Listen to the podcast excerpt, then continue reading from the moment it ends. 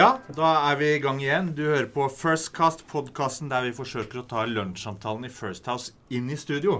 Ja, og i kjent stil så har vi spennende gjester også i dagens studio, vi, Håkon. Vi skal bl.a. snakke med en politiker som blir stadig mer sentral i norsk politikk, og styrelederen i Nordens største advokatfirma, som har spennende planer for videreutvikling av selskapet. Det stemmer, og som alltid i First House ser fremover, men i dag ser vi ikke lenger fremover enn til førstkommende helg og Venstres landsstyremøte. Vi har fått besøk av deg, Sveinung Rotevatn, statssekretær i Justis- og beredskapsdepartementet og leder for Venstres redaksjonskomité for landsmøtet 2018. Velkommen. Takk for det. Og så har vi også med oss to ansatte her i First House. Julian Ferner Calvert og Ole Berge fra henholdsvis KrF og Frp. Velkommen til dere òg. Takk, takk. Takk, takk. Rotevatn, du har kommet hit først og fremst for å diskutere Venstres landsmøte. Men vi må jo spørre deg. Du har fått ny sjef, og den nye sjefen kommer jo faktisk fra First House. Hvordan har det vært å møte Tor Mikkel Wara? Du vet, Min gamle sjef kom jo også fra First House, så det er ikke sånn voldsom overgang sånn sett.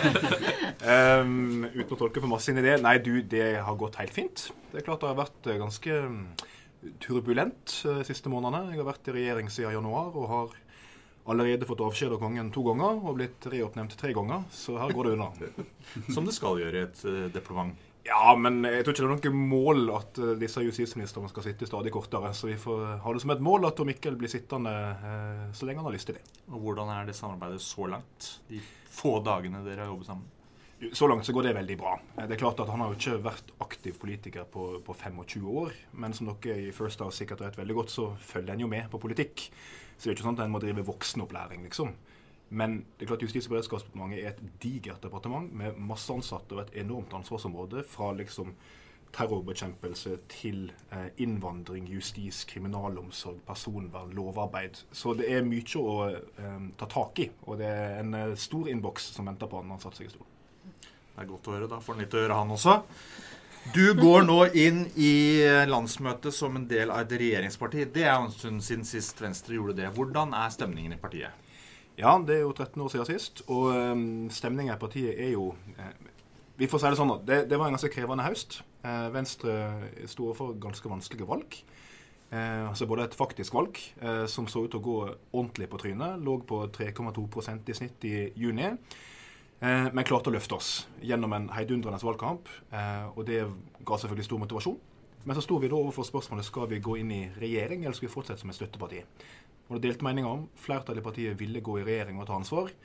Og jeg tror at eh, partiet som sådan har blitt mer og mer komfortable med det. Så jeg oppfatter vel nå at partiet ikke har noen diskusjoner rundt den deltakelsen. Men jeg tror nok at mange er interessert i å se hvordan går det dette her, hvordan er resultatene, hva leverer statsrådene våre? Og landsmøtet blir veldig viktig for å vise fram nettopp det. Ole Berge, komfortabel med i seg selv, men velgerne virker ikke å strømme til venstre uansett? Nei, altså nå tror jeg det er altfor tidlig å, å, dømme Venstres suksess eh, i regjering ut fra de målingene som er nå. Eh, og Venstre har jo vært et parti som har ligget sånn rundt 4% på målingene sånn i snitt eh, jevnt de siste årene. Eh, det her er jo ikke noen ny situasjon for, for Venstre. Eh, jeg tror at det er eh, god mulighet for at Venstre kommer til å lykkes i regjering. Vise fram at de får mer gjennomslag for viktig politikk for sine velgere. Og at Venstre kan gå oppover på målingene fram mot kommunevalget neste høst.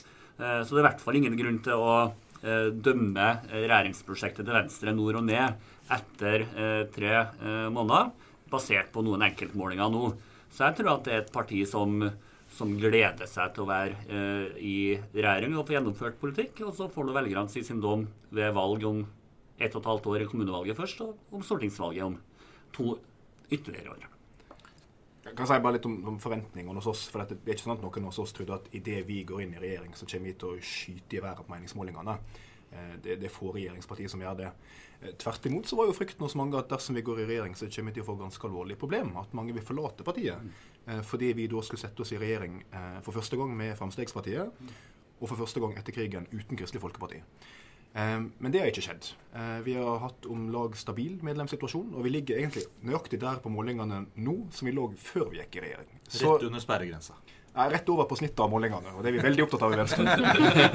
men eh, vi har selvfølgelig ambisjoner om å stige framover, og jeg, jeg, tror at det skal la seg gjøre. Men det er klart det betinger at prosjektet blir en suksess. da. Men det her er jo litt paralleller til hvordan Frp har opplevd å gå inn i regjering for første gang i partiets historie. ikke sant? Eh, mange trodde jo at man skulle gå i den såkalte SV-fella med at man ikke fikk gjennomført eh, all primærpolitikken sin, så ble velgerne misfornøyd. Men Frp holdt seg omtrent på samme nivå eh, i valget i fjor som de hadde det året de ble valgt inn i regjering. Eh, så dette er jo egentlig veldig spennende å se om Venstre klarer å holde seg, løfte seg. Eh, for borgerlig side i Norge så vil ingenting være mer viktig enn at alle regjeringspartiene, og gjerne også KrF, gjør det godt på målingene og bygger seg opp som et stødig og stabilt styringsgrunnlag over tid. Så det blir veldig spennende å se hvordan både Venstre og KrF på en måte utvikler seg på målingene framover også. For KrF nå så er det jo litt sånn at de ser på relasjonen de har til Venstre. Før så var de i tospann sammen i regjering, og nå er KrF liksom forlatt til ensomheten på Stortinget. Og jeg tror de følger veldig nøye med på hvordan det er med Venstre eh, i regjering. Så da er det egentlig spørsmål til Sveinung. Da. Er, det, er det godt å sitte i regjering, og tror dere Venstre får gjennomslag og får uttelling av det å sitte i regjering?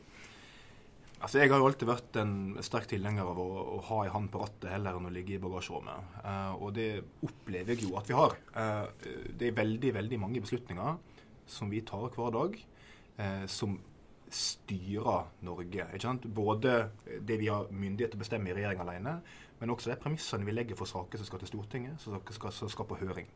Så, så, jeg er jo komfortabel med det. Eh, og Så får nå KrF ha, ha, sin diskusjon. De er mer enn velkomne til å bli med i regjering. Det tror jeg alle på borgerlig side ønsker. Men jeg, altså, jeg av alle, og Venstre av alle, forstår at det er en krevende diskusjon. For vi har hatt den diskusjonen sjøl. Eh, så jeg for ikke enig at KrF er overlatt til seg sjøl på Stortinget. Det er jeg i hvert fall ikke bekymra for. Men jeg er mer bekymra for at KrF er overlatt til de rød-grønne partiene på Stortinget.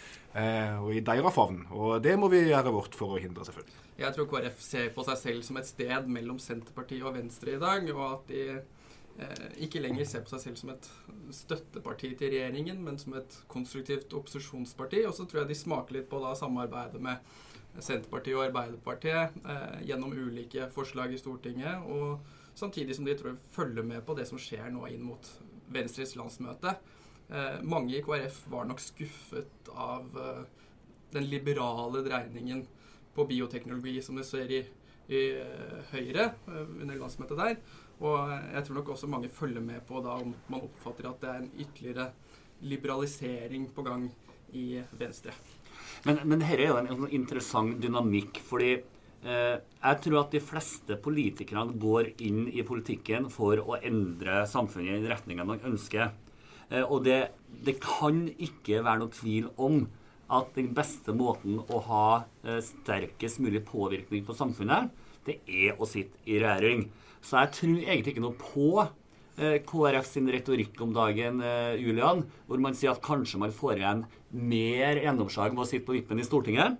Det, det, det, det, tror jeg rett og slett ikke på. for vi har jo, eh, Du er jo statssekretær nå, Sveinung. Jeg har vært det. Du gjør så mange beslutninger hver eneste dag som trekker samfunnet i den retningen du ønsker. Så hvis KrF vil ha mest mulig makt, må det inn i regjering. Da tror jeg vi skal la være å diskutere videre hva KrF vil gjøre, for nå skal vi diskutere hva Venstre skal gjøre. Men i Venstre så Du, du nevnte ordet liberalisering. Du er justispolitiker, eh, Sveinung. Eh, likevel så det, kommer det nå et forslag som du støtter om å lage et slags narkotikamonopol. Eh, hvor Litt sånn som Vinmonopolet, bare at man skal kunne selge cannabis og katt og kanskje LSD. Hvorfor støtter du dette forslaget?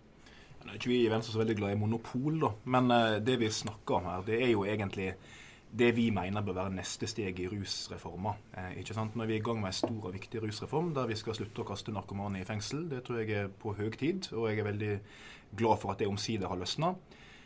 Men den reformen løser jo ikke det andre problemet, nemlig at du har et stort svart marked med kyniske kriminelle som tjener seg rike på å ødelegge liv, eh, der det blir omsatt eh, farlige, til dels livsfarlige rusmidler som en ikke kjenner styrken i, innholdet av, farligheten ved. Det løser du ikke med denne rusreforma. Eh, og jeg tenker at Skal du klare å ta tak i det problemet, så må en diskutere det som eh, nå skjer mange plasser i USA, som har skjedd i Canada, som skjer i Uruguay. Nemlig at en vurderer reguleringsregime i stedet for totalforbudsregime på de som er de minst farlige og vanligste brukte illegale rusmidler. F.eks. cannabis. Altså, jeg mener at dette er et uh, godt eksempel på hva de politiske landsmøtene må og skal være. Det politiske verksted der partiene drøfter ny politikk for å løse utfordringer samfunnet står ovenfor. Uh, så det at uh, et parti som Venstre tør å ta nye debatter på landsmøtet sitt, det er en styrke for partiet. De partiene som konserverer meningene sine over tid, har den samme politikken i dag som de hadde i går, eh, selv om det kommer nye utfordringer i samfunnet, de partiene går det dårlig med. Så ethvert parti må utvikle politikken sin. Jeg skal ikke forskuttere om dette er en god eller dårlig sak. Jeg har ikke satt meg i detaljene. Men at man tar disse debattene, det tror jeg det er ganske mange andre partier som bør lære av Venstre å ta vanskelige debatter på landsmøtene. Får dere, får dere gjennomslag for dette, tror du? Ja, det tror jeg. Eh, eller først må vi nå bli enige med oss sjøl, så det er jo ulike meninger i Venstre også om det her. Eh, men, det er det jeg mener. Får du gjennomslag på landsmøtet nå? Eh, ja, det får vi nå se. Jeg tror for så vidt det. Eh, jeg tror partiet er klare for å være tydelige på denne typen spørsmål. Og jeg tror at etter hvert så vil en få gjennomslag i samfunnet for øvrig. Fordi denne debatten her er i rask utvikling, ikke bare i Norge, men i hele verden. Det forbudsregimet og denne usvikelige trua en har hatt på straff som sosialpolitisk virkemiddel, det har mange begynt å miste trua på. og Norge har jo liksom, tradisjonelt hatt ganske sånn fornuftsbasert, rasjonell tilnærming til regulering av rusmiddel, vil jo mange si. Eh, og jeg har hatt et strengt regime for omsetning av alkohol, eh, for tobakk, eh, som har vært ganske suksessfullt dersom målet har vært å begrense bruken av nettopp det. Mens på narkotika så har det liksom valgt en helt annen tilnærming. som at vi, vi, er mot dette her, så derfor er det null regulering av det. Eh, og det fører sjelden noe veldig godt med seg. altså. Så jeg tenker at Klarer vi å lande en politikk nå som begrenser skadene rusmidler har på samfunnet, og har en mer fornuftsbasert tilnærming til det, så tror jeg det vil kle Venstre, og jeg tror etter hvert at det vil modnes i det politiske Norge for øvrig. Da må vi jo igjen litt tilbake til KrF, for dette klinger vel kanskje ikke bra hos Hareide og co.? Nei, absolutt ikke. Det, det, tror jeg ikke. Men så på den annen side da, så kan du si at eh, litt av det KrF har følger med på også, er jo i hvilken grad Venstre markerer seg på noe og er synlige, og hva som er viktig. Og jeg tror både Venstre og KrF er enige om at ruspolitikk er er et viktig spørsmål. Eh, men jeg tror at eh, i stor grad nå så har ikke Venstre vist seg frem i regjering ennå og tydeliggjort hva er prioriteringene, hva er prosjektet de er en del av. Nå har det vært mye bråk og støy og mye annet. Så, så jeg tror det er mange spørsmål som blir diskutert eh, på landsmøtet til Venstre som KrF kommer til å være enig i. Og så er det noen spørsmål sånn som eh, akkurat disse virkemidlene her, som KrF nok vil være helt uenig i. Ok, vi går videre, for hovedtemaet på årets landsmøte er faktisk følgende. Teknologi, fantastiske muligheter og store utfordringer. Og du leder Venstres teknologiutvalg. Fortell, hva er det dere kommer til å legge frem på landsmøtet? Vi legger frem en ganske omfattende resolusjon eh, med ni kapittel der vi går inn i ulike områder der teknologien tilsier at vi må ta nye politiske diskusjoner og ta dem. Eh, et av dem er jo dette med bioteknologi, som har blitt en del diskutert. Et annet er jo næringsutvikling, eh, der vi ser at eh, næringslivet er i rask endring. Der det før var slik at de aller største selskapene i verden var oljeselskap, bilindustri, så er det nå tech som eh, kommer fram. Og det er nesten utelukkende i USA, i Kina, at de største gigantene er. Og så gror det litt i Europa her og der. Men i Norge så sliter vi på en måte med å utvikle de store suksesshistoriene. Så vi er liksom klart å stille spørsmålet hvorfor er det sånn. Ja, vi har kommet frem til en del diagnoser og forhåpentligvis en del gode svar på det, som handler om endringer i skatteregler, eh, både innenfor formuesskatt, opsjonsbeskatning og slike ting, for at det skal lønne seg å være startup, satse innenfor tech. Det handler en del om å fjerne gammeldagse reguleringer som hindrer framveksten av en digital økonomi, f.eks. rundt dagens drosjeløyvesystem, eh, det som handler om selvkjørende biler. Uh, ja, de må gjerne komme tilbake til Norge hvis de følger reglene, men uh, de reglene bør endres, for de har vært altfor stivbeinte. Uh, og en rekke andre områder der vi foreslår liberaliseringer, der vi foreslår grep innenfor skattesystemet for at det skal lønne seg å satse digitalt i Norge. I Frankrike så satser Macron 1,5 milliarder euro på å gjøre Frankrike best på kunstig intelligens. Hva, hva bør Norge gjøre? Legger du noe penger inn i dette? Eh, en god del. Eh, det er klart det har jo de formuleringene du ofte har i politiske resolusjoner om å satse på og styrke osv. Men vi mener jo det når det gjelder særlig forskningsinnsats. da, Og også når det gjelder studieplasser innenfor IKT-teknologi, eh, der Norge ikke gjør nok i dag. Om vi skal bruke 1,8 milliarder euro eller ikke, det skal vi nok ikke, men vi skal bruke en god del. Men jeg får jo si det også da, altså Norge, Nå har jo Venstre landsmøte som regjeringsparti for første gang på lenge. og vi har jo det med oss i bakhodet. At det vi nå lover og vedtar, det skal vi jo klare å levere på, også økonomisk. Og det skal være ansvarlige økonomiske rammer rundt det hele. Ja, hva skal dere kutte i for å sørge for at man har ansvarlige økonomiske rammer? Eh, jeg tenker jo at særlig en del av eh, de gamle velferdsordningene våre som var laget for en litt annen tid, er åpne for å ses på på nytt. Det gjelder både Da tenker du konkret? Jeg tenker på sykelønnsordninger f.eks. Jeg er for både egenandel for arbeidstakere og et større ansvar for arbeidsgivere. Tenker på AFP-ordninger, som motvirker det vi alle ønsker, nemlig at folk skal stå lenger i arbeid. Jeg tenker i og for seg på kontantstøtta. Eh, jeg tenker på arbeidsavklaringspenger som varer for lenge og ikke funker godt nok i dag. Så en rekke av de store postene der som må en ta grep. Eh, og det er der de store pengene også ligger, hvis eh, målet er å ha en ansvarlig økonomisk politikk framover. Mm. Og helt til slutt, dere vil også redusere formuesskatten. Ja, vi er for det. og det handler jo om at ta en suksesshistorie som Spotify, da, som er sånn typisk for tech-bedrifter. Har en kjempeidé, går godt, blir verdsatt veldig høyt men sliter jo med å, å, få inn penger og ha overskudd. Og det er klart at Sånne type bedrifter sliter med å lykkes i Norge. For de må skatte for den verdien de sitter med i aksjer. Men de pengene har de ikke. Og da er alternativet to ting. Da selge seg ut av sitt eget firma, eller flytte ut av landet. Og det får mange som flytter ut av landet. Da sier jeg takk til deg, takk for at du kom, og lykke til på landsmøtet. Takk for det. Fra Venstres landsmøte til et av verdens største advokatfirmaer.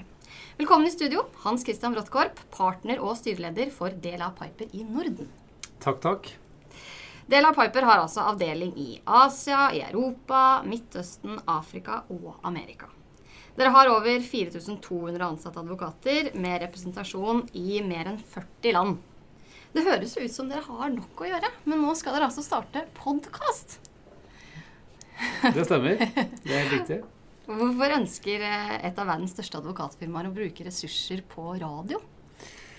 Ja, Det er uh, flere grunner til det. Um, en grunn er jo at advokatfirmaer, altså som oss, et forretningsadvokatfirma, vi oppleves nok ganske sånn, som ganske stengte og lukkede miljøer. Og podkast er jo en måte å nå ut til folk, ut til markedet på. Så, så det ønsker vi å gjøre. Uh, og vi tenker også at podkast er en, en, en fin plattform for å dele kunnskap og erfaring som vi har. Eh, på tvers av landegrensene i Norden spesielt. Da. Så hvordan blir det typisk, eh, en typisk podkast? Hva er innholdet? Innholdet det kommer jo til å variere. Det vi ser for oss, er å ha én podkast i kvartalet eh, fast. Eh, hvor vi da har en komité som blir enige om hva som er interessante innhold. Og det vil være typisk innhold som har en eller annen sånn eh, juridisk innfallsvinkel. F.eks. Eh, Eh, M&A i Norden kan være et tema. Eh, Kina og Norden kan være et tema. Eh, økonomisk kriminalitet kan være et tema. Så det være temaer som på en måte er aktuelle i Norden, for dette er et nordisk, nordisk initiativ. Som også gjerne har et internasjonalt tilsnitt, for vi er et internasjonalt advokatfirma. Og det må være rettet mot våre Først og fremst mot våre kunder eller klienter eller potensielle klienter. Altså ting som de syns er interessant. Så lytteren er altså potensielle klienter eller klienter? Det er Hovedmålgruppen er potensielle klienter, klienter men også eh, våre egne ansatte rundt omkring. Eh, og det er konkurrenter. Eh, og det er for så vidt også eh, folk som er opptatt av eh, næringsliv eh, og det som på en måte rører seg internasjonalt og, og nordisk spesielt. Mm alle med interesse for eh, deres felt. Ja, ja. det er tanken. Men Hvilket språk blir det på, da? Eh, Norden eh, Det er jo sånn at vi, vi, vi, kunne jo kommet langt med å snakke eh, de nordiske språkene, men kom liksom ikke helt i mål. Så, så det blir engelsk. Eh, så det blir engelsk. Det blir engelsk. Det gjør det. Men det skal vi vel klare å få med oss, eh, få med oss likevel. Håper det. Hvordan skal dere slå igjennom da, i denne podkastjungelen som bare vokser og vokser? Ja, det er, det er mange podkaster å velge mellom. Eh, nå tror vi kanskje at det er litt interessant at eh, vi er jo for så vidt det første firmaet som, som, gjør noe som advokatfirma. Så på den måten så skiller vi oss jo ganske ut. Og så tror vi også at det vi kan komme med, kan være såpass interessant at det faktisk eh, folk er interessert i å høre på det. Eh, eksempelvis eh, hvis vi tenker oss at vi hadde et system oppe å gå nå, så ville vi kunnet laget en podkast om, om, et nyhetstema som eh, straffetoll og, og handelskrig mellom Kina og USA, da ville vi på veldig kort varsel kunne liksom satt opp en, en, en, en podkast med en advokat i Washington og en advokat fra kontoret vårt i Beijing f.eks., som, da, som da diskuterer dette temaet. Klart det, det er jo litt interessant i en, i en, i en forretningssammenheng. Absolutt. Er du redd for nå at eh, konkurrentene kommer til å kommer løpende og gjøre det samme? Jeg tror sikkert at noen eh, kommer til å gjøre det samme i, i, i Norden, og, og, det ønsker jeg for så vidt velkommen. Men jeg uh, syns det er gøy å være først, da. Får vi vite navnet på podkasten, da? Det, det, har vi ikke tenkt å, å røpe helt ennå, men uh, det kan jo tenkes at det har et, en nordisk klang. Vi, vi, får se. Og kanskje det la i navnet, da. Det får vi også se. Lykke til med et veldig spennende prosjekt, og tusen takk for at du eh, kom i studio, Hans Christian Brattkorp. Tusen takk.